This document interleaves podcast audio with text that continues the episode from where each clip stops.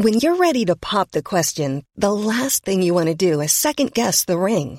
At Bluenile.com, you can design a one of a kind ring with the ease and convenience of shopping online. Choose your diamond and setting. When you find the one, you'll get it delivered right to your door. Go to Bluenile.com and use promo code LISTEN to get $50 off your purchase of $500 or more. That's code LISTEN at Bluenile.com for $50 off your purchase. Bluenile.com code LISTEN. Quality sleep is essential. That's why the Sleep Number Smart Bed is designed for your ever evolving sleep needs. Need a bed that's firmer or softer on either side? Helps you sleep at a comfortable temperature? Sleep Number Smart Beds let you individualize your comfort so you sleep better together. JD Power ranks Sleep Number number 1 in customer satisfaction with mattresses purchased in-store. And now save 40% on the Sleep Number limited edition Smart Bed for a limited time. For JD Power 2023 award information, visit jdpower.com/awards. Only at Sleep Number stores or sleepnumber.com. Hallå, Simon Gärdenfors heter jag och snart börjar min podcast Arkivsamtal. Som den här veckan handlar om svensk seriehistoria. Det var ett så intressant ämne att vi helt glömde det omåttligt populära inslaget Välj drycken. Det är inte första gången det händer, men förhoppningsvis är det den sista. Det är hög tid att köpa biljetter till min och Anton Magnussons stand-up-turné. Uppvigling och förledande av ungdom. Vi har redan sålt slut i några städer månader innan premiären. Så passa på att knip biljetter innan det tar slut även i din stad. Vi kommer till 28 olika ställen. Biljetter finns på specialisterna.se. Ikväll, samma datum som detta avsnitt släpps, den 28 december, så kör jag stand-up på Norra Brunn i Stockholm. Och det gör jag också den 4 januari. Alla mina gig hittar ni på gardenfors.blogspot.com. Det har dessutom kommit en ny upplaga av min serieroman Död kompis och min senaste vinyl skiva Vesslan finns att köpa på ginsa.se. Ni får jättegärna också stötta min verksamhet som entertainer i allmänhet på patreon.com arkivsamtal. Eller så kan ni swisha valfri summa till 0760 72 47 28. Uppskattar väldigt mycket alla som gillar mina grejer och stöttar mina grejer och sådär. Följ mig också på sociala medier som till exempel Instagram och Twitter. Det är både roligt och informativt. Men nu kommer Arkivsamtal som klipps av min redaktör Marcus Blomgren. Mycket nöje!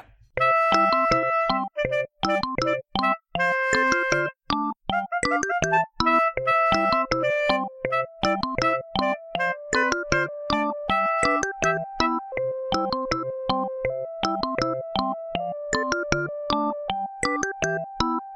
och välkomna till Arkivsamtal. Jag heter Simon Gärdenfors och mitt emot mig sitter Johan Andreasson. Det stämmer. Välkommen hit. Tackar. Du är bland annat serieskapare. Ja, det stämmer. Mina aktiva år ligger väl bakom mig i och för sig när det gäller att faktiskt göra egna serier. Men jag, jag jobbar fortfarande en hel del med serier. Jag översätter serier till exempel. Mm. Och ja, illustrerar lite allt möjligt eh, fortfarande. Och den här veckan så ska vi prata om svensk seriehistoria. Ja. Jag tänker att vi gör så att vi börjar eh, från början, så att säga. Mm. Och så får vi se hur långt vi hinner. Ja. Ifall vi hinner väldigt kort väg, då får det bli en del två och så vidare. Ja, tills, det, det... tills, vi, tills vi hamnar fram tills idag. ja, precis. Vi får, får se. Det, det... Vi får se hur, hur snabbt det ja. rör sig framåt. Ja. Men du har, du har varit med och skrivit uh, böcker om svensk seriehistoria va? Alltså faktiskt inte skrivit egentligen. Att jag, jag är med i en sorts uh, arbetsgrupp som håller på och ger ut en, en serie böcker som dokumenterar svensk mm. seriehistoria. Men, men, min uppgift där är faktiskt att jag layoutar böckerna. Mm. uh, så det kan nog hända att jag skriver någonting så småningom. Men jag kom in där för att de behövde, i projektet därför att de behövde en, en layoutare. Så det, det är det jag har gjort på den senaste volymen som är del 3 som handlar om 1970-talet. Mm. Jag började, jag tänkte jag skulle börja läsa de böckerna och jag ville börja med den första delen. Ja. Men sen var det, det kanske var faktiskt en layoutfråga för att eh, det blev så att jag lånade den andra delen. För att den har en ett, etta på sig. Ah, Okej. Eh, Ja. Alltså för det, är väl, det är lite ett collage av gamla serietidningar. Men det är, det är en stor etta inom en ring. Så jag tänkte det här är nog den första boken. Ah. Jag tog den lite slarvigt. Ja. Och så tänkte jag, nej men då eh, börjar jag läsa ettan någon annan gång istället. Ja, ja. Men nu kan jag ju få eh, mer styra över vilka delar av seriehistorien vi ska, vi ska prata om. Ja, alltså de här böckerna koncentrerar sig ju väldigt mycket på eh, serietidningarna. Det finns ju i och för sig en ganska lång seriehistoria. Eh, in, serietidningarna börjar ju, kan man väl säga, det fanns ju några enstaka innan dess, men i princip kan man väl säga att svenska serietidningar drar igång 1948 när Kalanka och eh, seriemagasinet kommer. Det, så Kalanka var, vilken kom först av Kalanka och seriemagasin? De kommer samma år, 1948. Jag vet in- inte vem som var tidigast på året Nej. faktiskt. För jag, jag trodde ändå, jag, jag vet ju att Kalanka var en, en stor succé och nummer ett, 48 är ju liksom förmodligen den dyraste svenska serietidningen. Ja, rimligtvis. Eh, men, men jag visste inte att det var även liksom den första serietidningen, den svensk, första svenska serietidningen i, i allmänhet. Alltså riktigt så är det ju inte. Jag tror att rent formellt så är den första serietidningen någonting som heter Musse Pigg. Jag minns inte om Musse Pigg-tidningen eller Musse Pigg-magasinet. Eh, men det, var, det, det kom liksom inte riktigt igång förrän då i slutet på 40-talet. När det liksom blev en industri av det. Eller ja, en egen bransch eller vad man ska kalla det. Ja, men med serier så är det, idag så kallar ju folk det framförallt eh, tv-serier. Eller Ja. streamade Netflix och Ja, det stämmer. Så. Men vi kommer då eh, prata om tecknade serier. Japp. Sekvenskonst. Ja, jo. I och för sig är film och tv också en form av sekvenskonst. Men, ja det, det är ju bildberättande. Det är Ja, det som de har men, gemensamt. eh, Men serietidningar, då associerar de flesta till ungefär samma sak i alla fall. Ja, Men hur långt efter ligger Sverige den... För Sverige följer ju idag rätt mycket den amerikanska ja. seriemarknaden. Men när började serietidningar komma i USA?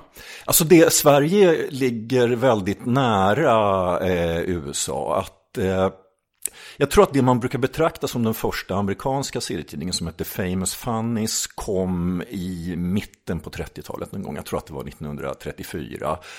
Och eh, serietidningarna drar väl igång på riktigt. Det brukar man väl räkna med när Stålmannen började 1939. Så att i och för sig då, det är ja, eh, tio år eh, efter med att det kommer igång Ja. på riktigt. Efter, det är- det är andra världskriget som kommer emellan helt enkelt. Jag såg en dokumentär som heter eh, Comic Book Confidential. Ja, Där är det då William Gaines eh, som eh, startade MAD och EC Comics. Ja. Eller han startade inte EC Comics, jag tror han ärvde det från ja han sin ärvde pappa. det. Hans, hans, det stämmer, hans far eh, dog i en båtolycka har jag för mig. Och så ärvde han Bill Gaines ganska ung det här förlaget och ändrade väl till rätt stor del inriktning på det. Och jag har för mig att han sa att hans pappa gjorde den första serietidningen. Eh, Att han väck ihop eh, dagstidningsserier till en tidning och häftade och ställde det på, eh, på newsstandet i, i liksom snabbma- Ja. snabbmatsbutiken. Eller vad heter det, vanliga matbutiken. Ja, det, alltså det, det, var, det var så serietidningarna kom igång. Att serier hade ju funnits i dagstidningar sedan slutet på 1800-talet. Och det som... det, ja, The Yellow Kid räknas väl som den internationella första. Ja, alltså, alltså, man, det, är- det är nästan omöjligt att det säga ju. vad som ja, är. Utan, grottmålningar. Exakt, ja. Sitter alltid där att någon sitter och Ja. svamlar om Bayeux-tapeten. ja, precis. ja, Så det är svårt. Ja. ja. Nej, så jag tillhör ju den skolan som brukar anse att den här schweizaren Rudolf Töpfer är den första riktiga serietecknaren. Men alltså det är väldigt godtyckligt. Då, man, Man man väl... inte till Rudolf Töpfer. Ja, alltså han var lärare, alltså pedagog egentligen, Mm. eh, schweizare. Han var kompis med Goethe, han var verksam på ja, 1830-1840-talet framför allt. Mm. Och det som var speciellt med honom var alltså inte bara att han tecknade, och det är verkligen serier alltså, han, utan han hade dessutom en... Mm. Var det pratbubblor? Ja, det var pratbubblor. Alltså du kan läsa dem, de översattes till och med till svenska. Och vilket år? Eh, alltså här är vi då i mitten på 1800-talet. Oj, det är eh, gammalt. 1800, oh, jag tror 1849 så kom det en Okej, okay, Töpfer-bok på svenska. Eh, men alltså det speciella med honom är att han inte bara gjorde bildberättelser. För det fanns det ju folk som hade gjort före honom. Men han, han hade verkligen en, en tanke, han liksom tänkte ut vad en tecknad serie ska vara för någonting. Och En av hans eh, teser som, som jag fortfarande tycker håller väldigt bra är att när man tecknar serier så ska man använda eh, precis så många streck som behövs för att förmedla känslan och det som händer. Och när man väl har gjort det så är alla andra streck överflödiga och egentligen bara stör. Och alltså det man kan säga är att han jag tar man tecknare som till exempel Hergé eller Ernie Bushmiller, alltså de jobbar exakt enligt den här, ja nästan teorin som Töpfer Jo, skapade. det är det som gör det lite cartoonigt på något Ja, sätt. exakt. Så det, och jag, jag är ju väldigt Men inne nu- på den här cartoonsidan av serier. Ja. Och, och den kan man nog säga uppfanns av Töpfer. Ja, jag är väldigt intresserad av den delen också. Alltså så här, för jag, jag gillar den här cartooniga stilen som man kanske associerar med, eh, ja, men Betty Boop och, Ja. och eh, Felix the Cat var ju tidig och kanske, och jag, jag liksom, som allting annat så finns det liksom ingen startskott. Utan det fejdas ju, det, Ja. det, det tonas in. Eh, men, men jag vet inte om vilka som... Alltså han, E.C. Seagar som gjorde Popeye. Alltså Karl Alfred var väldigt tidig med den Ja, han, cartooniga han, stilen. det stämmer. Eh, det, det finns ju andra också. det var men han- 20, 1920-talet. Ja, 1920-talet. Eh, men han, han tillhör ju absolut eh, pionjärerna där. Och han, eh, den blev ju en enorm eh, framgång också, Karl Alfred. Och samtidigt, alltså den stilen som du nämner inne på, den kommer ju väldigt mycket från eh, tecknad film också. Alltså både Betty Boop och eh, Katten Felix är ju från början eh, tecknade filmfigurer. Och den här, Ja, Men jag tänker att eh, Karl Alfred var väl serie från början? det stämmer, Karl Det Alfred väl var, var, innan serie. Den tecknade, den liksom Betty Boop. Ja, det och- stämmer. Karl Alfred gick så att säga andra vägen. Att den, eh, Och då tänker jag att den stilen, jo den, den kanske, det är också det att när man animerar så är det ju så extremt tidskrävande. Så då kanske det finns en poäng också med att ha Ja. så få streck och skaffer, vad heter det, skrafferingar. ja, jag tror man säger skrafferingar. Skrafferingar, ja. Sådana små streck då som Ja. utgör skuggor och sånt. Och det är en cartoonig stil så är det nästan, eh, jag associerar det mer med, med så få streck som möjligt också. Ja. Och ganska tjocka ytterkonturer på figurerna. Ja. Eh, och eh, det här är ju, det har ju väldigt mycket att göra med Ja, i tecknad film är det som du säger helt naturligt därför att man ska producera tusentals teckningar och då, då eh, eh, säger liksom sunt förnuft att man ska förenkla ganska mycket. Och i dagstidningarna så handlade det om att eh, trycktekniken var ganska kass helt enkelt. Så att det gällde att teckna med en jag tecknade man med ganska få och tjocka linjer så, så eh, gick serien helt enkelt bättre fram i tryck. Och han den, var det en schweizare du nämnde från Ja, Töpfer. Eh, Töpfer. ja, Eh, Men för han hade ju mer, mer en teori om bildberättande då. Att det skulle vara så enkelt som möjligt för att Ja. förmedla. Vilket, eh, vilket liksom... Jag är väldigt stort fan av serietecknaren Chris Ware. Som gjort ett ja, och specialavsnitt. Chris Ware älskar ju Töpfer och det, det har, har tänka mig. skrivit eh, om honom eh, också. För han har ju väldigt mycket de här teorierna kring... Eh, alltså Chris Ware teoretiserar väldigt mycket kring just det här förenklingar. Jo. Och det finns en bok också som heter Understanding Comics. Ja. Scott McCloud. Där de pratar väldigt mycket om det också. Ja, precis. Att ju enklare figuren är desto mer eh, kan läsaren relatera till figuren. Och, Ja. och applicera sin egen identitet och sina egna Ja. känslor på figuren. Ja, och det, här- det här var så att säga det som Töpfer mer eller mindre uppfann. Mm. Aha, och var han... Skulle du säga att den stilen är cartoonig som topp top för... Eh? Alltså den, den är inte cartoonig på det sättet, alltså den påminner inte alls om eh, Betty Boop eller eh, katten Felix, men däremot så den, den är väldigt besläktad med till exempel Tintin. Alltså det, han har, han har inte, det som Töpfer, in, Töpfer har inte en tjock linje, utan han har en gan, ganska tunn, eh, jämn linje. Det som heter Klara Lindgren. Ja, han, han är, he, ja, linje klar. Han, han är helt klart eh, en eh, grundsten för den här klara linjen. Som då, ja, som franco-belgiskt associerar Ja, man det det med. Tintin och Ja, liknande. Mm. ja och han, han skrev ju på franska också, så han, han tillhör ju den eh, kultursfären. Men Sam- innan, jag tänkte bara på eh, den här cartooniga stilen. Jag tror både innan Disney och Fleischer eh, och sånt där så fanns det då Paul Terry. Som Ja, är, just är det. då en som gjorde väldigt tydlig den cartooniga stilen i tecknad Ja. film. Jo, Som också, om, om man säger så här, liksom Musse Pigg och Katten Felix och sånt ser ju ganska lika varandra ut. ja, Och Paul Terry gjorde den typen av djur i, i sina jag tror han gjorde någon som heter Aesops, Fab, Aesops Fables eller någonting. Det låter väldigt bekant. Och, Och, någon, någon gammal bondgubbe också. Ja, just det. Farmer Eh, Alfalfa eller något sånt. Ja, ja, ja. ja. Och alltså, tittar du på de här tidiga tecknad filmfigurerna, som du säger, alltså katten Felix, Musse Pigg eller då Walt Disneys figur före Musse Pigg som hette Oswald the Lucky Rabbit. Det. Mm. Så det, det är i princip samma figur. Det, det är en, en svart streckgubbe fast alltså lite liksom tjockare kropp än rena streck. Mm. Med det här eh, huvudet och det enda som egentligen skiljer de här figurerna från varandra det är dels att öronen ser lite olika ut Mm. och nospartiet ser en liten smula olika ut. Men om, om inte Musse Pigg vore en sån känd figur, alltså som ett varumärke idag, så att vis, vi, tittar du på de här gamla filmerna med eh, Oswald, Musse eh, eller något Paul Terrier så ser de i stort sett likadana ut. Men det var någon, det var någon, eh, jag läste någon te- bok om tecknad film där de sa så här, ja det tidigaste exemplet den författaren på boken hette att var något djur i då en Paul Terrys uh, Farmer Alfalfa gård. Alltså han hade kanske ritat en mus som ser ut så som Mm. Ja, du kan, du kan absolut. Men sen så är det ja. man kan ju alltid hitta, det, det, det, det är ju sällan det, det tas väldigt stora kliv i en utveckling. Nej, på det stämmer. Plan, så att det är säkert något tidigare där som så nästan ut så. Ja, eh, och sen, alltså tecknad film det är också en sån arbetskrävande eh, industri så att eh, det var inte bara så att de här tittade på varandras filmer utan de här tecknarna som jobbade med filmen de flyttade ju också runt så det, det var någon som jobbade ett tag hos Disney kunde jobba senare hos Fleischer och all, alla kommer ju någonstans ifrån. Eh, Men serier och tecknad film, är det ungefär lika gamla fenomen? Ja, det kan man väl säga. Alltså serierna är väl... Alltså nu, nu beror det naturligtvis på när man då räknar Ja, ja, ja. eh, att serierna föddes. Filmen kom ju på 1890-talet och animerad film finns ju så att säga genast. Sen finns det ju då föregångare till eh, film. Alltså det finns ju sådana blädderanimationer och sånt Mm. Just där. ja. Eh, Men det är Men- ungefär lika gammalt. Ja, det tycker jag man kan säga. Och, och utvecklingen har gått ganska Mm. eh, parallellt också. Och, och upphovsmän har...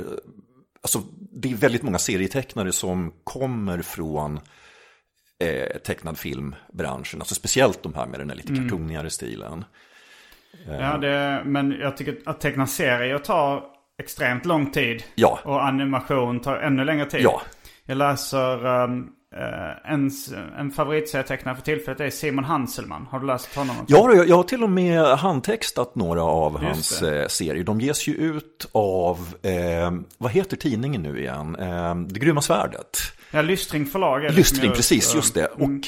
det har ju kommit en, en bok med, med Hanselman och den har jag inte varit med och jobbat Nej. på. Däremot, en, ibland när det har varit eh, Hanselman-serier i tidningen så är det jag som har textat. Ja, i Det grymma svärdet. Ja, just i det grymma svärdet, precis. Jo, men jag läste för hans senaste bok som heter Bad Gateway som har bara kommit på engelska. Ja. Jag tror den är på gång på svenska på Lystring förlag också. Ja. Där i slutet av boken så har Simon, tecknaren då, han har räknat hur många arbetstimmar han lagt ner Ja. på den här boken. Och då är det eh, över 3700 timmar.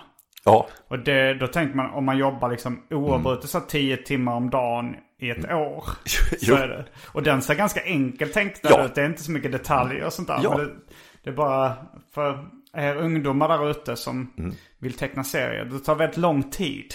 Kan jag varna. Ja.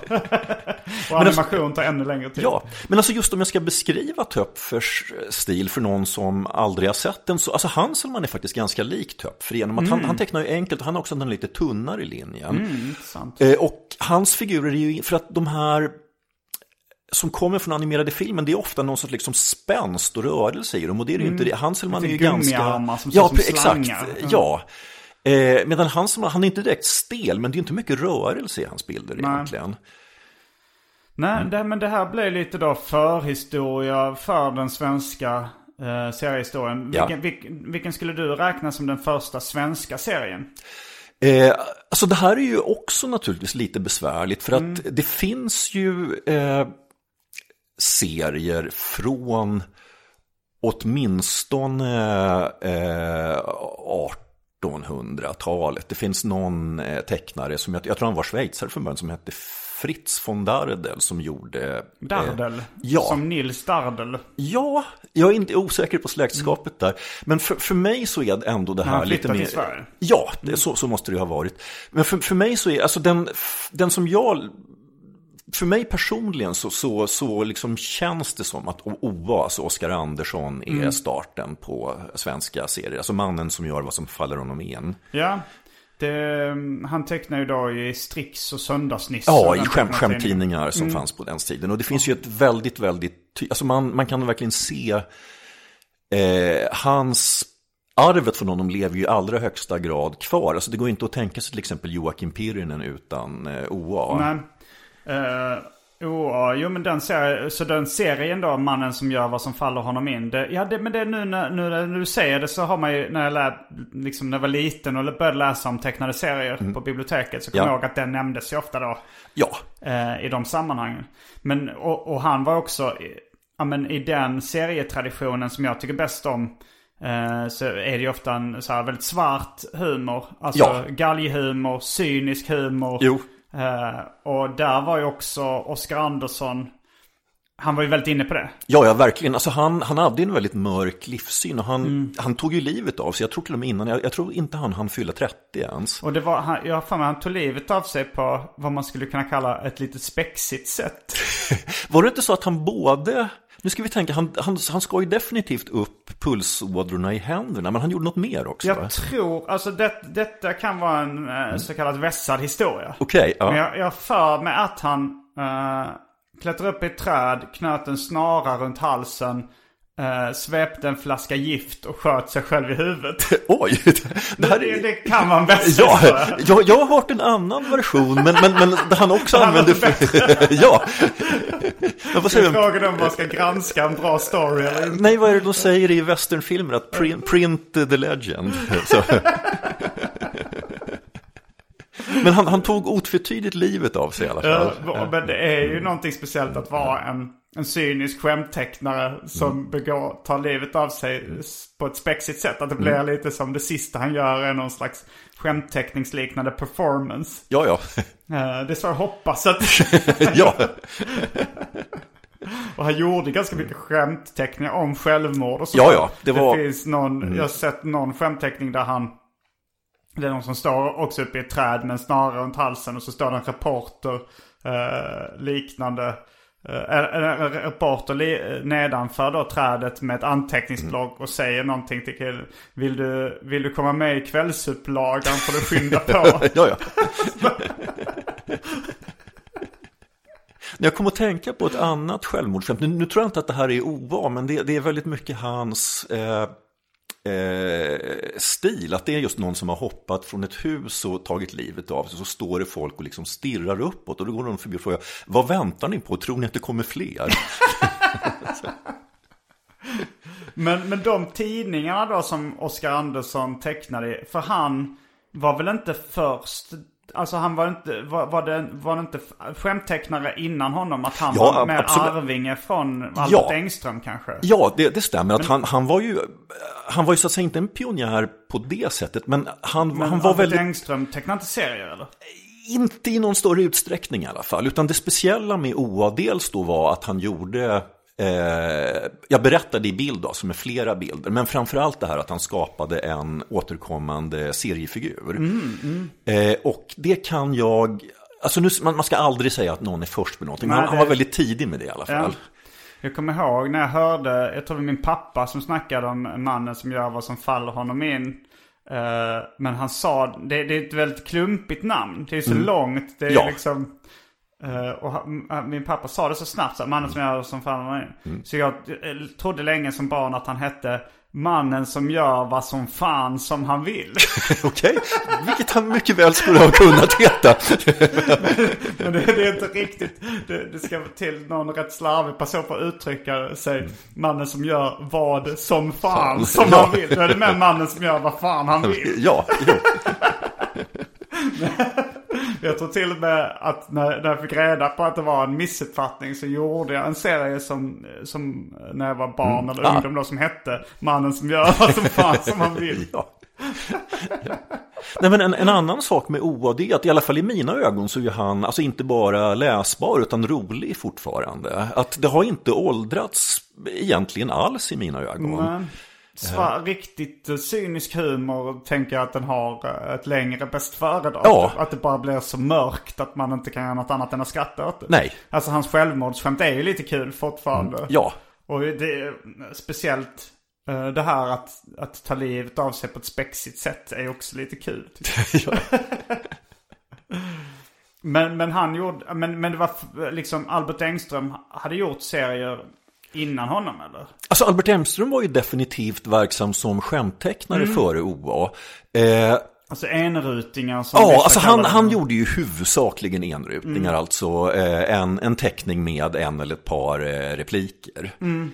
Ehm, Ofta var det då kanske inte pratbubblor utan texten stod Texten under. stod i nästan alltid eh, under. Eh, Och han gjorde också illustrerade berättelser. Så han skrev noveller som han illustrerade och sådär. Men han gjorde väl egentligen inte serier i någon ja, mening som vi lägger in i ordet nu i alla fall. Men, men blev det en trend sen i Sverige efter då OA hade...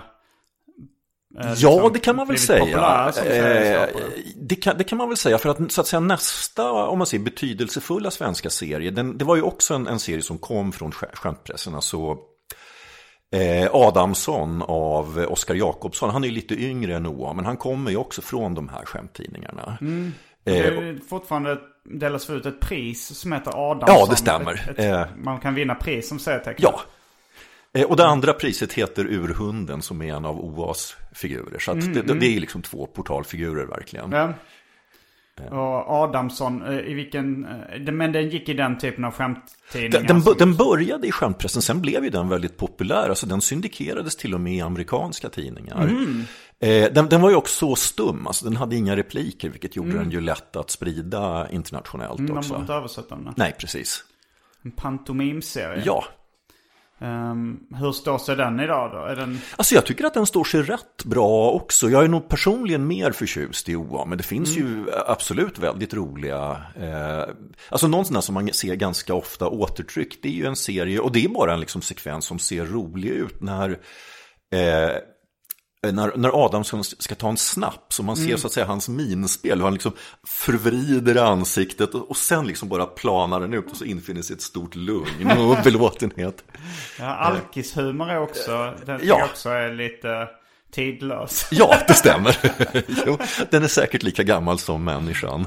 Ja, men jag gillar, vi har haft ett avsnitt om eh, one-liners också i Arkivsamtal. Ja. Och det var liksom de gamla, roliga, eh, korta skämten var mycket alkishumor. Ja, alltså Albert Engström hade ju väldigt många sådana skämt. Att det är, nu minns jag liksom inte prisnivåerna, men han hade en figur som hette Kolingen. Och Kolingen har varit någonstans, ja, utanför Stockholm. Coolingen betyder inte samma sak som idag. Det är inte en Nej, nej exakt, han var inte cool på det sättet. Eh, Men säg, säg att han har varit i Arboga, då frågade han hans kompis, ja, hur var det i Arboga då? Ja, ungefär samma som här, 1,20 litern.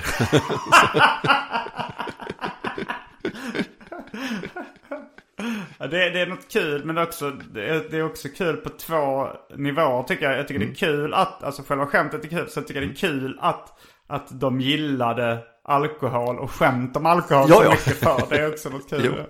Men vilket årtionde är vi på nu då med OA och Adamsson? Så OA, då är vi alldeles eh, i början av eh, seklet. Eh, alltså för, mellan 1900 och 1910 någonstans. Eh, och med Adamsson då får vi hoppa fram till, jag minns inte exakt när den skapades, men vi är på typ 1920-1930-tal eh, någonting. Men han var den första då internationellt kända svenska serietecknaren. Ja, det kan man säga. Och nästan, nästan kan man väl säga den enda internationellt kända svenska serietecknaren också. Ja, men han var stor utomlands då. Ja, det, det, det var han. Jag, jag kan inte säga riktigt hur, men han, det, det var en känd och spridd serie Adamsson. Alltså den, den fanns i, ja, verkligen inte bara i USA utan i stora delar av, av Europa. Nej, för det är ganska många svenska serieskapare som blivit översatta och utgivna utomlands. Ja, Men, det kan, men, det, men någon riktigt stor stjärna kanske aldrig har funnits. Nej, Förutom alltså, då, om inte Ad, vad, het, vad hette han nu en Adamsson-tecknaren? eh, Oskar Jakobsson. Oskar Jakobsson.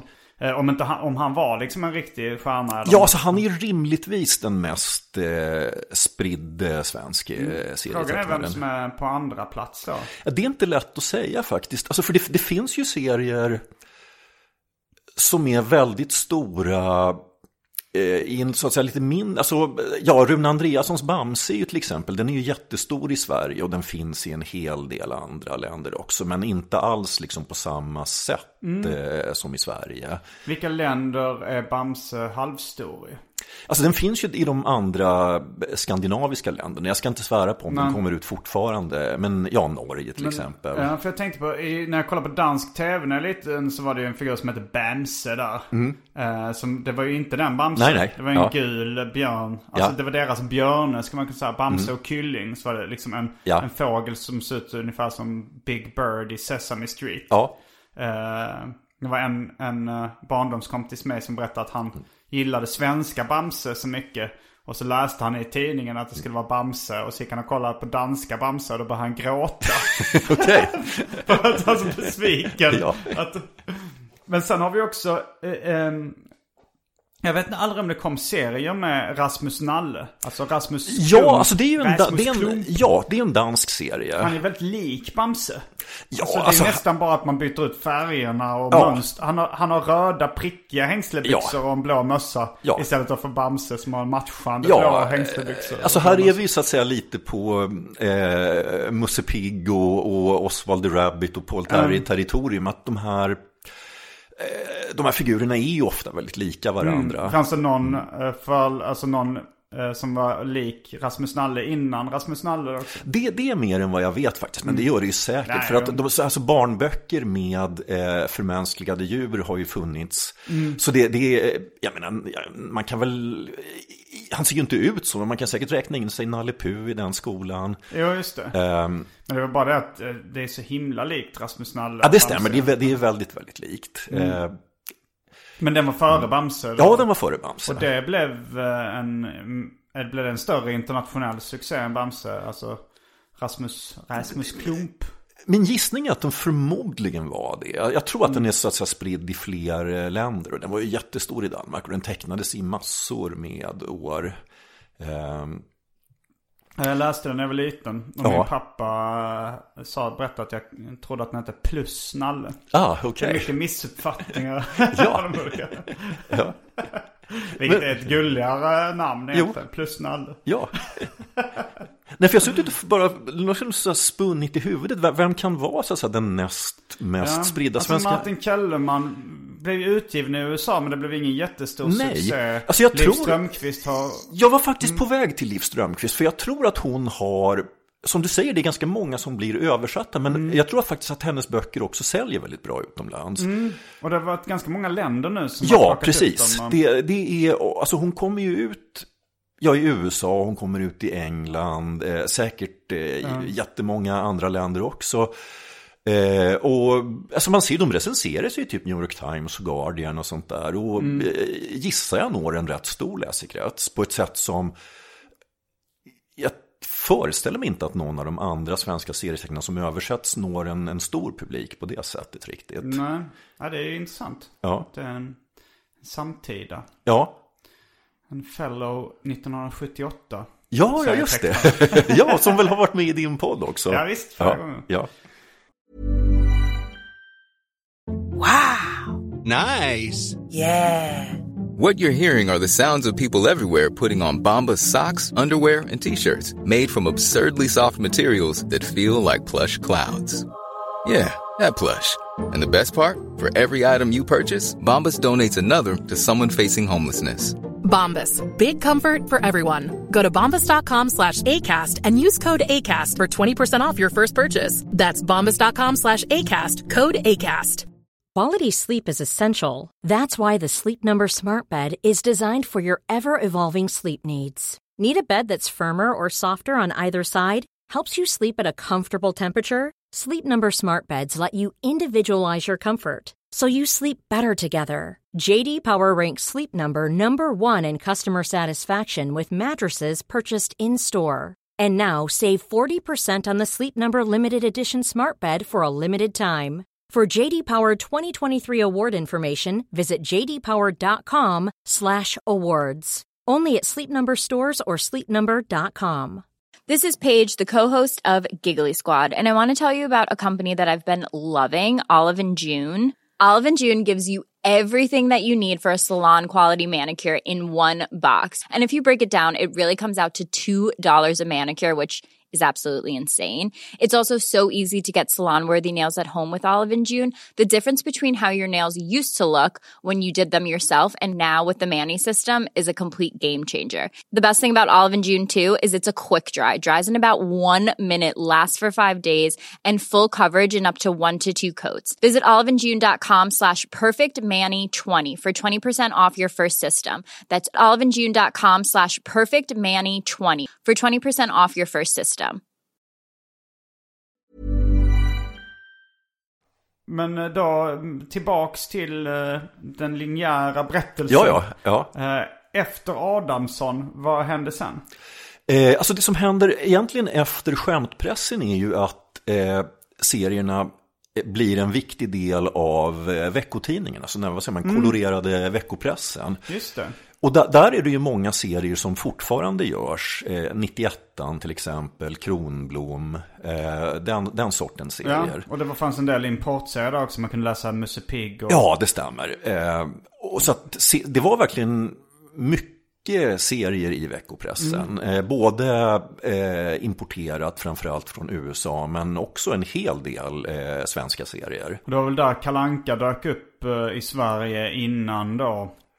Eh, Kalanka nummer ett 1948. Ja, rimligtvis så måste ju både Kalle Anka och Musse Pigg ha gått i dagstidningar och veckotidningar. Tusse har jag läst att Kalanka kallades. För det, det, det fanns som Musse. Ja. Och sen kom det en ny figur så kallade man honom Tusse. Och Okej. det var Kalanka. Ja. hette, så det var Musse och Tusse. Tusse, ja, Och sen har han även kallats eh, Onkel Magnus. ja det, det där känner jag igen. Ja, det var på något Ja. vitblock. Ja, Eh, Anka Petus. Eh, det känner jag också igen. ja, Ja. Säkert något annat också. Farbror Joakim för mig åtminstone någonstans har varit farbror Rike-Per. Ja men det kommer jag ihåg när, när jag bläddrade i liksom veckotidningar eh, hos liksom äldre släktingar och sånt där. Ja. Att då kunde man hitta liksom en seriesida och en roliga historiesida Ja. och sånt där. Och veckotidningar finns ju fortfarande. Jag vet inte hur populära de är. Alltså det, det är ju inte alls som det var. Det finns ju fortfarande, jag tror året runt finns väl fortfarande och sådär. Men det är inte alls eh, så eh, stort som det var eh, på, ja från 20 och 30-talet och kanske fram till, jag vet inte, 70-80-tal eh, någonting. Nej, så Hemmets Journal och Ja, Hemmets precis. veckotidning Och... Så, men alltså, jag, jag har ju jobbat en del med eh, återtryck av eh, äldre serier. Då har jag liksom suttit på KB och läst gamla veckotidningar. Och det är ju, eh, Och då snackar vi om Kungliga biblioteket. Ja, precis. Kungliga biblioteket. Rockklubben i Malmö. nej, Eller Konstnärsbaren i Stockholm. ja. Men, eh, ja och, och så ja, veckopressen dök upp då på, vilket, vilket årtionde var det det blev stort? Alltså, här, här tänker jag ju mer på, för serierna Serierna, blir en, en del av veckopressen på eh, 20-talet. Veckotidningen har väl, antar jag, funnits. Jag kan inte säga exakt när, när de började, Jo. men just alltså 91 och Kronblom och de här serierna, det, det är ju ja, slutet 20, början på 30-talet. som Mm. Och det de var väl säkert då ett konkurrensmedel för att jag Ja. kommer ihåg i, i USA, då på liksom när dagstidningarna började publicera serier som The Yellow Kid eller Winsor McKays serier. Mm. Då var det liksom att de upplagorna steg för det blev liksom en väldigt populär grej. Ja, precis. Och eh, frågan är om det var då serierna pikade som underhållningsform. Eller det kanske var då på när, när serietidningarna blev väldigt stora. Alltså när det var, om man tänker när det var som populärast, när det var som flest konsumerade serier. Ja, alltså när, när det gäller dagspressserier så kan man väl säga att det är ja, från, från starten då i slutet på 1800-talet och ungefär fram till eh, slutet på andra världskriget. Det är väl den tid när det verkligen var Eh, alltså ja, helt enkelt innan tv fanns. Mm, ja. Ehm, och serietidningar var ju jättestora upplagemässigt på, eh, om vi talar USA, framför allt under 40 och början på 1950-talet. Mm. Men det är ganska logiskt för man tänker att eh, serietidningar och eh, film eh, alltså på bio och sånt, Mm. dök väl upp ungefär samtidigt. Ja, för film, för, alltså om man så att säga Köper man det här då att man börjar Mm. seriernas historia med dagspresserierna då, då är ju filmen och den tecknade serien nästan exakt Mm. lika gamla. Och då var det ju så att man kunde gå på bio, men då var man tvungen att ta sig till sin biograf. Ja, precis. Men tecknade serier var liksom en ganska lättsam underhållningsform Ja. som man kunde konsumera i hemmet eller, Ja. eller var som helst. Ja, och det var ju också ett sätt ehm, att det, det är verkligen ingen slump att det var i USA som det här blev ett, ett sätt att konkurrera om eh, läsarna. För att USA i slutet på 1800-talet det bestod ju till väldigt, väldigt stor del av eh, nytillkomna eh, immigranter som inte kunde engelska speciellt bra. Så det var ju väldigt naturligt att för att ville man nå den publiken så, eh, ja, så gällde det att berätta rätt mycket i bild och ha så lite text som möjligt. Eh, Och det är också väldigt slående att det, är otroligt mycket just immigranthumor i de här serierna. Alltså folk som bryter på tyska och... Jo. Eh, Och det var mycket judiska flyktingar som kom till New York och började teckna serier. ja, ja, de hamnade framförallt i serietidningsindustrin. Det, det var ju liksom en skillnad att de här dagstidningsserierna, de var ju liksom fina. Så det var så här, ja, vita anglosaxare, wasps, som gjorde dagspresserierna. Medan serietidningsbranschen, eh, ja, de, de liksom släppte in vem som helst. Eh, och den, den blev ju enormt dominerad av eh, judar. Eh, I stort sett alla de tongivande, alltså Sigel och Schuster som skapade Stålmannen, Jack Kirby, Stan Lee. Eh, all, alla är amerikanska judar. Hur ser det ut i Sverige då? Vilka, vilken, vilken demografi? Eller vilka var, hur var de svenska tidiga serietecknarna? Vad var det? Var det liksom, vilken klasstillhörighet? Eller var, var kom de från? Alltså till, till ganska stor del eh, så är det väl arbetarklass och eh, alltså, man får också titta på hur Sverige ser ut på den tiden. Alltså, det är ju, Sverige är fortfarande ett bondesamhälle då på 20 och 30-talet. Eh, och serierna handlar om lantisar, alltså det är Kronblom, eh, 91 eh, och så såg, alltså den här stora publiken som När läste. kom Kronblom och 91 För de har vi inte nämnt så mycket för. Alltså det är runt 1930. Okej, så det var då, dök de upp i veckopressen I då? veckopressen, Alltså i ja. veckotidningarna? Ja. Okej. Eh, och sen ska man väl också säga att det här med att serier ses som någonting för barn, att så blev det ju egentligen först med eh, serietidningar, utan veckotidningarna vände sig till, i och för sig naturligtvis också till barn, men de, de var inte så att säga specifikt, alltså 91 var ju inte en serie som specifikt vän, vände sig till barn. Nej, det är ju lite med gubbhumor Ja, precis. sätt. Ja, Och Kronblom också. Ja, Att det...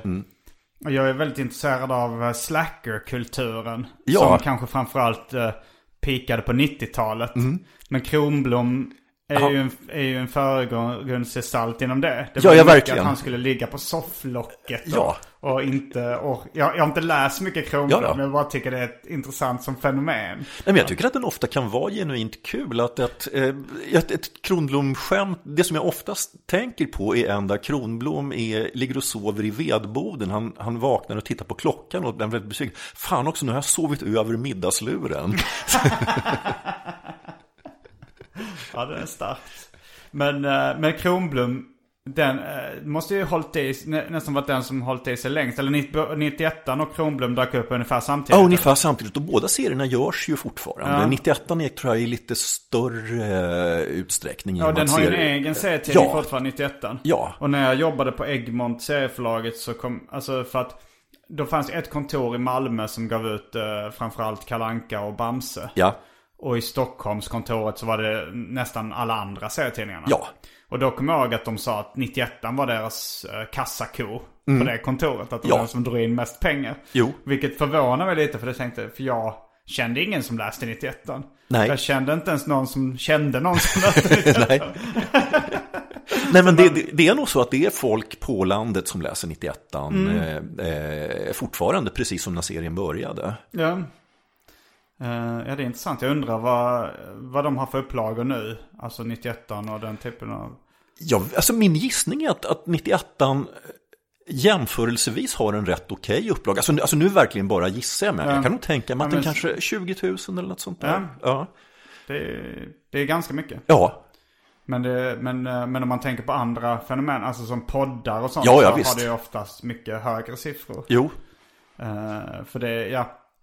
Om serierna då pikade någon gång på 50-talet kanske. Ja, alltså en, en lustig grej med svensk, det här är någonting som jag fick reda på, alltså tack vare att jag jobbat med de här böckerna som överraskade mig väldigt mycket. Att serieläsning i Sverige, åtminstone när, det gäller sålda serietidningar, den pikade tydligen 1981, alltså så sent. Okej, oj. Eh, serietidningar. Ja, för att alltså, se, se, serietidningarna i Sverige, de det blev verkligen en boom när de kom då i slutet på 40-talet. Eh, Men sen så blev det ju eh, en, en väldigt stark, det här hände ju både i USA och i Sverige, eh, att se- serier ansågs som något eh, ja, skadligt helt enkelt.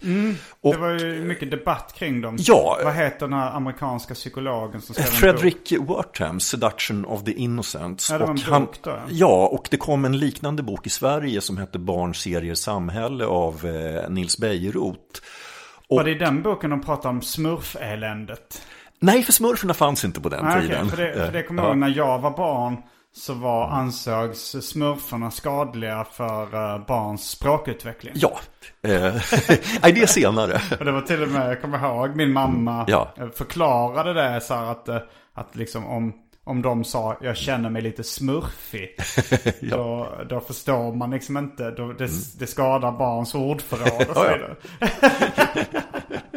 Jo. Men ja, man skulle ju kunna dra det åt andra hållet och säga om man själv får räkna ut. Ja, vad- exakt, vad att det kan stimulera språkutvecklingen.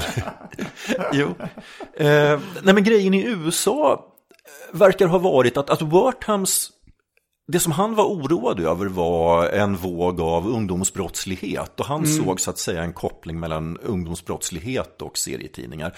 Och han vände sig framförallt mot, vi har ju pratat om eh, Bill Gaines som, som gav ut väldigt mycket skräcktidningar. Mm, som sen startade Mad. Ja, som sen startade MAG. Och det, det var ju faktiskt ett direkt res- resultat av den här seriedebatten. Att han, han hamnade så mycket i skottgluggen. För, han, han blev ju tvungen att lägga ner alla sina skräcktidningar. Och då hade han bara egentligen den här satirtidningen MAD som han då dessutom såg till att byta format på. Alltså han, han gjorde den till ett större format och då klassades den som magasin. Och då slapp han den här branschen in, införde en sorts självcensur som hette The Comics Code.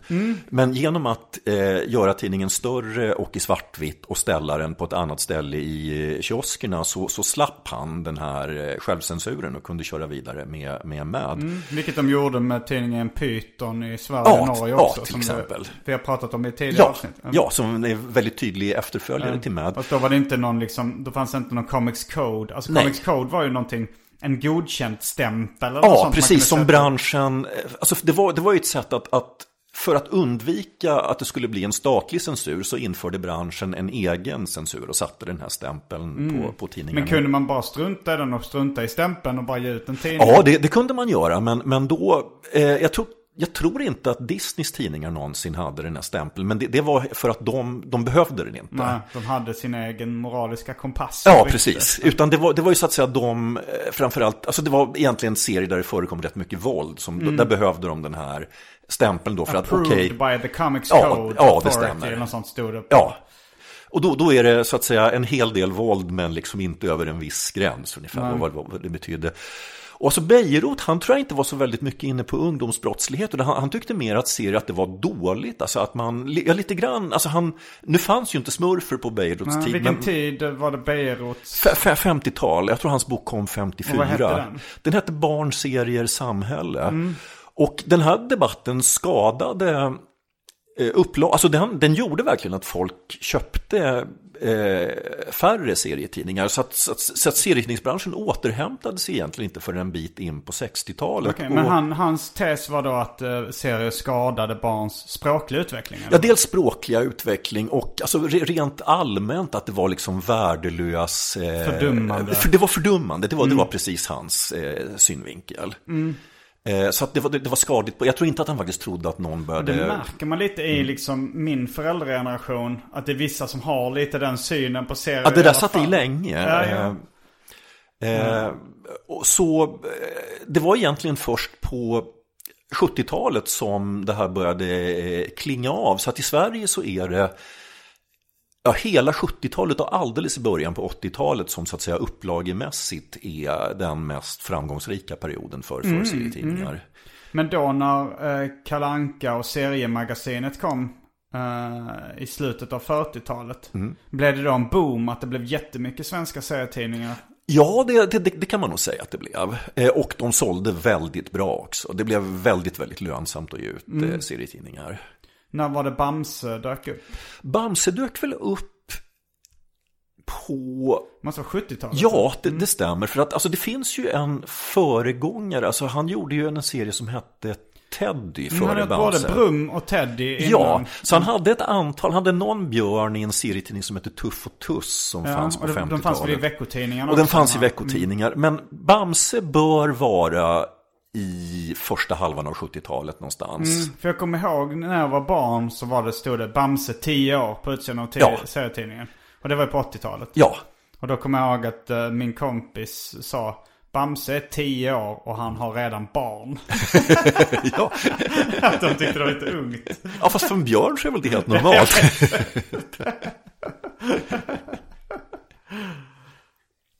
Men ehm, då är frågan är hur eh, djupt vi ska gå in. Vi, vi har gått igenom eh, eh, ja, men de, de tidiga sven- i skämtpressen då liksom.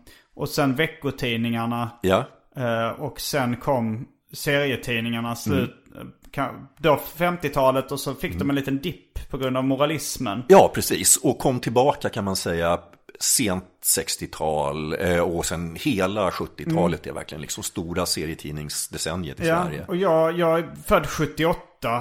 Och det är kanske därför det har präglat mig så mycket med tecknade serier under min uppväxt. Eftersom jag då, eh, jag var ung, eller var barn och eh, tidig ungdom när serierna då var som störst. Ja, Eller när sa du den pikade? eh, 81 ska tydligen vara det Okej, året Okej, då var jag pikade. ganska liten. Ja, men, men det var ändå, det fanns ju väldigt mycket serier omkring Ja. mig liksom. Det var... och jag kan tänka mig att någon kanske högläste Kalle Anka eller Bamse när du var, säg 3-4 år. Ja, vi läste Bams. Alltså Bamse fick jag, fick vi som barn liksom.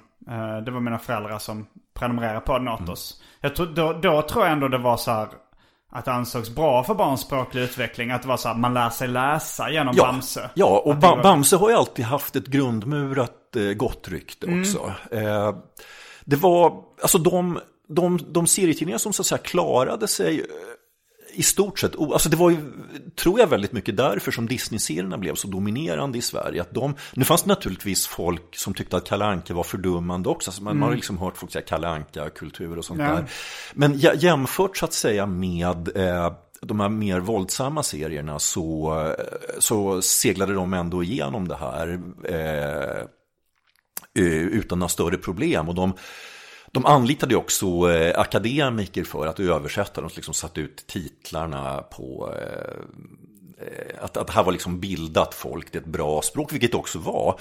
Och Bamse Vad, vad sa du de satt ut dem de satte alltså titlarna på den som, de som översatte, alltså deras akademiska titlar, att de var, ja, vad, vad de nu kan ha varit. men- Pool Mag. Ja, något sånt där. Nu Men kan, vadå, stod det på i vilka tidningar då? alltså det, jag tror till och med att det stod, eh, jag minns inte om de, jag, jag minns faktiskt inte om de tryckte det i själva, men, det, det, rimligtvis så stod det i serietidningen, alltså översatt och sen av, ja, filosofie-doktor. alltså där i. Kalanka och, Ja. och, och De, de använde seriemagasin. det definitivt i marknadsföringen i alla fall. Jaha, Eh, intressant. Att eh, det här eh, så att säga var en, så att, säga, att det var ett bättre språk var liksom Mm. den stora grejen. Eh, och Bamse Bamse smälte ju på något, eller den flöt ju på något sätt liksom med i den här proggvågen. Bamse har ju alltid varit så lite vänsterinriktad. Så att, och där var det ju många, jag kan tänka mig att många föräldrar under proggeran kanske tyckte att alltså, amerikanska serier var kanske inte det man köpte Mm. Ja, till barnen. Disney blev en kapitalistisk Ja, symbol. precis. Men då fanns ju Bamse istället som stod liksom för eh, schyssta värderingar. Ja. Eh, så att jag tror det var rätt, rätt mycket det som, som, som liksom Bamse eh, seglade fram på. Nej, för jag minns, eh, men som, som barn så, först hade vi Bamse. Och sen så liksom i Sydsvenska Dagbladet så, i Sydsvenskan då så fanns ju strippserier. Ja, Eh, dagspressserier, Ja. alltså sådana fyra ruters. Ja. Då, jag, ja, vilka var det som fanns där när jag var liten? Det var någon som hette Tiger. just det. En amerikansk serie. Ja, Ja, och sen senare kom Ernie. just det. Och, och det, Kalle och Hobbe. Mm. Och sen, och sen kunde man liksom, när man var på skolbiblioteket och vanliga biblioteket och sånt fanns det ju lite så här stora seriealbum. Ja, Eh, då kanske det var Felix då som var en veckotidningsserie av Jan Lööf. ja, Tintin kan jag tänka mig. Eh, Tintin och eh, Smurfarna och sånt var ju rätt poppis då när jag var liten också. Ja, ja för ta, talar man om, om serier i Sverige så fanns det ju just en, eh, i och för sig ganska tillfällig, men just på ja, 70 och början på 80-talet så gavs det ut kolossala mängder just serier från Frankrike och Belgien i album. Eh, och de, de riktigt stora var ju Tintin, Asterix och Lucky Luke. Och de här serierna hade, som jag minns det, ett ganska gott rykte. Just att de, de fanns i skolbiblioteket. Plus att eh, ja, men USA som symbol då på 70, 60-70-talet var lite mer hotfull kanske Ja. än, än europeiska serier. Ja. Att det var mycket så här, amerikansk skräpkultur var mycket mer frowned upon på den Ja, tiden. jo. Men, men, men jag kommer ihåg att min pappa så högst upp på en hylla hade några årgångar av svenska Mad också. Jo, Som man fick klättra upp och hitta. Och det var, och jag tror jag fick läsa dem. De tyckte jag var väldigt bra och spännande. Det var, Ja. liksom nog, det var nog där jag blev som mest såld på serier. Jo, jo för att Mad, den har ju så att säga upplagemässigt aldrig varit jättestor eh, i, i Sverige. Var det Det-? Nej, inte, inte, men, men, men däremot så enormt inflytelserik. Att den har så att säga, alltså folk som läste Mad var, När var det den kom i Sverige? den kom 1960. Okej. Det, det har vi faktiskt med i, eh, i del tre av de, den här, de här böckerna jag jobbar med, Mm. Svensk seriehistoria, så är det en lång, eh, nästan som en egen bok, drygt eh, 100 sidor lång artikel om Williams förlag som var de som startade MAD i Sverige. Och MAD var faktiskt anledningen till att, att förlaget bytte namn till Williams. Så det, det förlaget de började med att ge ut de här illustrerade klassiker. Alltså det här var ju under den här seriedebatten. Och eh, ett, ett sätt då att att undvika kritik, det var ju då att då, då gav man ut de här litterära klassikerna i serieform, alltså Charles Dickens, Oliver Twist och sånt där. Och, och det blev populärt även i Sverige och det blev så populärt att man ville fortsätta med eh, eh, fler eh, serietidningar. Och då, det kändes lite konstigt att kalla, för förlaget hette Illustrerade klassiker då, att, att ge ut Mad under, och, och liksom förlaget Illustrerade klassiker, det, det såg lite, lite konstigt ut. Men har Williams någonting med William M. Gaines att göra? Nej, utan det är, det är också en person. Jag, tyvärr minns jag inte vem. Jag, jag, jag undrar om inte det är förnamnet faktiskt på han, mannen som startade Illustrerade klassiker i USA. Jag har för mig att han hette William eh, någonting. Det var ett vanligt namn. Ja, och i alla fall när, när, när de startade Williams då hade de eh, två tidningar som inte var eh, illustrerade klassiker och den ena var Svenska Mad och den andra var en tidning som hette Er frisyr. Men det var ingen serietidning? nej, nej, utan den, den handlade just om, den, den, den lades ner väldigt kort efter det. Jag för mig Williams förlag också gav ut min favorittidning Shazam. Ja, det stämmer. Alltså Williams blev ett väldigt, väldigt stort förlag eh, på ja, framförallt 60 och det fanns, det köptes upp av Semic 75 eller 76. Men alltså under de här eh, ja, 60 och en hyfsat stor del av av 70-talet så, så gav de ut eh, kolossala mängder serietidningar i Sverige. Eh, Var det det största serieförlaget då? Williams? Alltså det, det kan nog ha varit det i antal titlar. Jag tror nog att Semik var förmodligen större upplagemässigt. För När att, eh, började Semic förlags AB? eh, alltså de hette ju från början någonting annat. Jag tror att de helt enkelt hette Serieförlaget på 50-talet. Eh, Det, och, det jag har hört att Semic, att det kom från, det var en blandning mellan serier och comic. Ja, det stämmer. Jag minns faktiskt inte riktigt när de tog förlaget Semik, men det måste ju ha varit på 60-talet Okej, någon ja. gång. De gav ju ut Mad också sen. Ja, de, alltså det, här, det här hände ju då när eh, de köpte eh, Williams. Så, så tog de över en, för att eh, Mad var ju en Williams-tidning. Eh, som även Bamse var till exempel. Eh, och eh, Så ja, när, när, hur, gammal, hur gammalt är Williams förlag? När var det, när var det de alltså de drog över? igång med illustrerade Det var då klassiker. 60? Ja, alltså namnet Williams kom ju 1960 då när, när Mad börjar ges ut. Eh, och de hade även, alltså alla DCs superhjältar, alltså Stålmannen, Läderlappen, var, var Williams i Sverige. Men Marvel-tidningarna kom inte förrän senare eller? Nej, och de var på lite olika förlag. Marvel har alltid, alltid haft en lite rörig historia i Sverige. Just det. Jag kommer ihåg, eh, ja men de har varit, Atlantic Förlags AB har gett ut mycket Marvel. Ja, Innan dess, jag, jag samlade på Spindelmannen-tidningar då. Ja. Som från början hette Spindeln. ja, Och, det, och jag kommer ihåg ett förlag som hette Red Clown. just det. De hade... De hade väl, jag tror att till och med förlaget startades för att ge ut just Marvel-serier i Ja, Sverige. var det, det var Mästaren på Karate. Ja, Jag ja. kommer inte ihåg vad ja. den heter på engelska. Eh, just det, vad fan heter den nu igen? Eh, vänta, heter den Kung Fu? Eller blandar Ja, det ihop? kanske hette Kung Ja. Fu. Men, och den och dock, jag vet inte om, var- om den hette Spindeln då, när Red Mm. Clown gav ut dem. Det kan jag tänka mig att den gjorde. Men, men kom- de också, när man såg vissa Mästaren på Karate och vissa andra tidningar så hade de Eh, alltså de hade inte glansigt papper på utsidan utan Mm. de hade ofta matt papper som inlagan på, även på omslaget. Och det Ja. kändes lite bä, Ja. men också lite konstigt bara. Jo. Idag gillar jag mer matt papper än glansigt. Ja. Men, eh, men då kommer jag att man, va- varför gör de det här? Jag är så van vid det här liksom glansiga serietidningspappret. Ja, och sen Williams, det var ju... Alltså det, i antal tid, det mesta de gav ut var serietidningar, men de, de var också ett sånt förlag som gav ut lite vad som helst som var populärt. Och deras stora kassakor, det var egentligen andra saker än serier. Att de gav ut sådana här så samlarbilder med hockeybilder till exempel som var jättestort. Och så hade de också, och det här tror jag ska vara Alltså nu var ju en, en rolig halvtimme inte riktigt en serietidning där, för att det var ju mm, skämtteckningar egentligen. Men något nummer av... En rolig halvtimme, är ju det den som är väldigt, eh, det är väldigt mycket fräckisar och Mm. Exakt, ja väldigt så här, så gubb, eh, väldigt gubbiga skämt.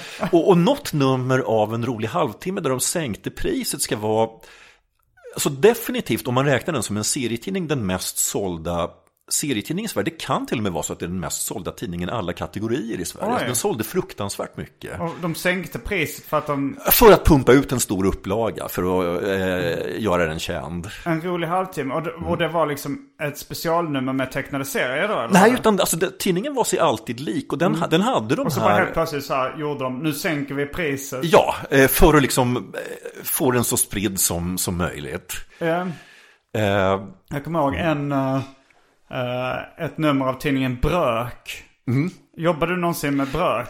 jag, jag, jag befann mig ibland i samma eh, rum kan man säga som dem. Jag, jag har inte personligen jobbat med den. Men det var i alla fall ett nummer eh, där det är en, en gubbe eh, på utsidan. Jag gissar att det är tecknat av Thomas Jönsson, Toy. Det kan man tänka sig. Han gjorde mycket omslag till de tidningarna. Skitsnygga. Några av mina, Ja. de snyggaste serietidningsomslagen jag någonsin sett. Ja, men, men det var ett nummer där det står Jippi, nu ännu dyrare. Och jag kommer ihåg som barn tyckte det var så coolt och så rebelliskt att de liksom vågade lyfta fram en prishöjning. ja. Något stilen. Jo, det är väl mycket en Horst Schröder-grej att göra, att, så att säga, marknadsföra med sig som... Den här, den här är dyr och den är förmodligen ganska svår att läsa Det också. var liksom samma, samma antal sidor, samma serie. Ja. Men det bara, Jippi, nu Ännu dyrare. Men jag älskar ju den, Jo, jo. den, den stilen. Ja. Men, men, men de bara helt plötsligt tänkte nu kanske vi säljer mer om vi sänker priset. Alltså de? den blev, den, den blev en sån här väldigt oväntad eh, succé. Jag tror, min gissning är att de lite grann bara ville prova. Alltså, hur mycket Mm. går det egentligen att sälja av en skämttidning? Okej, men, sen, men fortsatte de med det billiga priset sen Nej, jag då? tror att det, just det här numret var tillfälligt. För det lät ju Eh, ändå som det var en succé. Men de kanske gick back på varje nummer om det var så billigt. Eller varför fortsatte de inte?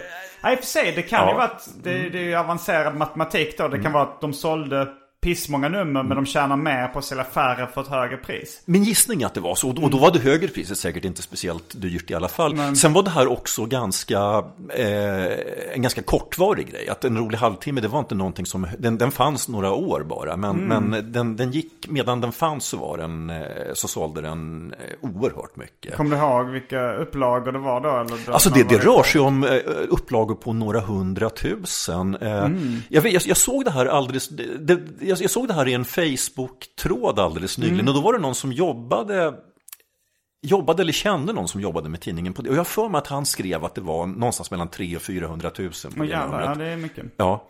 Men samtidigt så om man jämför de andra underhållningsformer som tv och sådär. Så Ja, det är stämmer. Ju, så är det ju lågt för att... eh, ja, eh, ja men eh, det är ju flera miljoner som kollar på Kalankas julafton Ja. och sånt där. Och, jo. Eh, jag vet inte vilka de största programmen har varit genom tiderna i Sverige men... Ja, den är ju säkert stor eh, fortfarande. Alltså nu, då, då ska man ju också minnas att på den här tiden så fanns det ju först en och sen två tv-kanaler. Så att, eh, det, det är ingen slump att Hylands hörna var så enormt. För an- antingen så såg man på Hylands hörna eller så såg man inte på tv. Ja, men man hade ju ändå var, alltså, men det betyder ju ändå att liksom tv var ett mycket, för redan från början, alltså för alla hade ju möjlighet att köpa serietidningar för Ja. de flesta. Så att Ja. det var ju mer att, att eh, tv var ett populärare medium ändå. Ja, det Och stämmer. jag vet inte hur liksom de mest sålda böckerna och sånt eller andra former av underhållning har sålts i Sverige. Det skulle vara intressant att veta vilken Sveriges mest sålda bok är. Är det Zlatan-boken nu kanske? Som... Ja, det skulle inte, det skulle inte förvåna mig. Alltså det, en, en sak som jag minns från, alltså jag, jag har ju jobbat på bokförlag, det, det är i och för sig ett antal år sedan nu, men från så att säga mina år i branschen så minns jag att de, då brukade man prata om den här Mikael Niemis eh, Populärmusik Musik från Vittula. Den ska tydligen ha sålt runt en halv miljon. Och, och det, är, det är oerhört mycket för en bok. Ja, och kanske har Zlatan-boken sålt mer än så. Jag vet inte. Nej, som sagt nu har jag inte Nej. koll. Jag kan tänka mig att de här Millennium-böckerna säljer väldigt bra Ja, också. och, men så, ja, de har ju också en internationell Ja, precis. marknad. Ja, Men... eh, ja, men jag tror vi, eh, vi, får, vi kommer ha minst en eh, uppföljare av svensk seriehistoria. okej. Ja. Håll utkik efter svensk seriehistoria del 2 som kommer komma om ungefär 10 veckor. Ja. Ja, jag brukar ha eh, återkommande gäster. Så brukar jag ha, för att det ska bli en rullians, så brukar jag ha 10 veckor, 10 avsnitt emellan en återkommande gäst. Det är någon, tumregel jag har. ja, ja. Men då får vi se om det blir fler än ett eller två avsnitt till. Vi får se. Och Mm. då vill jag bara säga till dina lyssnare också att i väntan på det här, håll utkik på nätbokhandeln efter svensk seriehistoria. Det finns tre böcker. Mm. Ja, enkelt döpta till del 1, del 2 och del 3. Mm. Och hur mycket vi än pratar om det här så kommer det finnas ännu mer i de böckerna. Ja, det, det kanske kan bli en oändlig följetong i Arkivsamtal också. För vi kom, det, ja, det är ju ett outtömligt ämne. Ja, ja, verkligen. Och vi kommer väl hoppa eh, ganska mycket fram och tillbaks som vi har gjort i det här avsnittet också. Ja. Vi har ju försökt börja lite från början men sen, Mm. men vi har inte riktigt, vi har ju, vi har ju mest behandlat eh, eh, fram tills eh, 80-talet ska man Ja, säga det, nu. det stämmer. Att, att det här... Ja, det här området där vi två egentligen har varit verksamma, alltså det Mm. man kallar för ja, vuxenserier eller vad man ska använda, det, det, det har vi inte alls kommit in på än så länge. och det är kanske det som jag tycker, alltså jag, jag är mest intresserad av, ja men även den här eh, eh, kanske skräpkulturvågen med när jag började läsa Katte Nisse och ja. Men alla de här eh, amerikanska mainstream-serierna är jag också rätt intresserad av. Ja, Eh, ja men när det kom Star Wars-tidningar och, Ja, ja. och sånt där. ja. Så, ja, men, så det, det ser jag fram emot. Det ska bli kul att prata mer. Och jag ska, jag ska läsa de böckerna någon gång också. Du, om du tittar bakom mig så har jag en väldigt hög läshög på böcker som... Oj, är det din att läsa hög? Ja, det började som det. Men, eh, men den, den har ju ballat ur. Nu ligger Ja. det nog en del böcker jag har läst där Ja, också. för den är ju mer än en meter hög kan jag ju tala om för lyssnarna. Den är ungefär lika lång som jag själv. Och den är dubbel. Det finns en, Ja. två, två högar bredvid varandra. Ja, ja, då har du att göra i jul. Ja, jag har det. Men, Ja. så att någon, men någon gång kommer jag sätta tänderna. Då vill jag nog börja med del ett av den här svensk seriehistoria också. Ja. Eh, ja, men då eh, det är inget annat du vill eh, göra reklam för eller plugga. Nej, jag, nöjer mig med det här just nu. Ja. Då tackar vi dig för eh, det här avsnittet. Det var allt för den här veckans avsnitt av Arkivsamtal. Jag heter Simon Gärdenfors. Jag heter Johan Andreasson. Fullbordat samtal.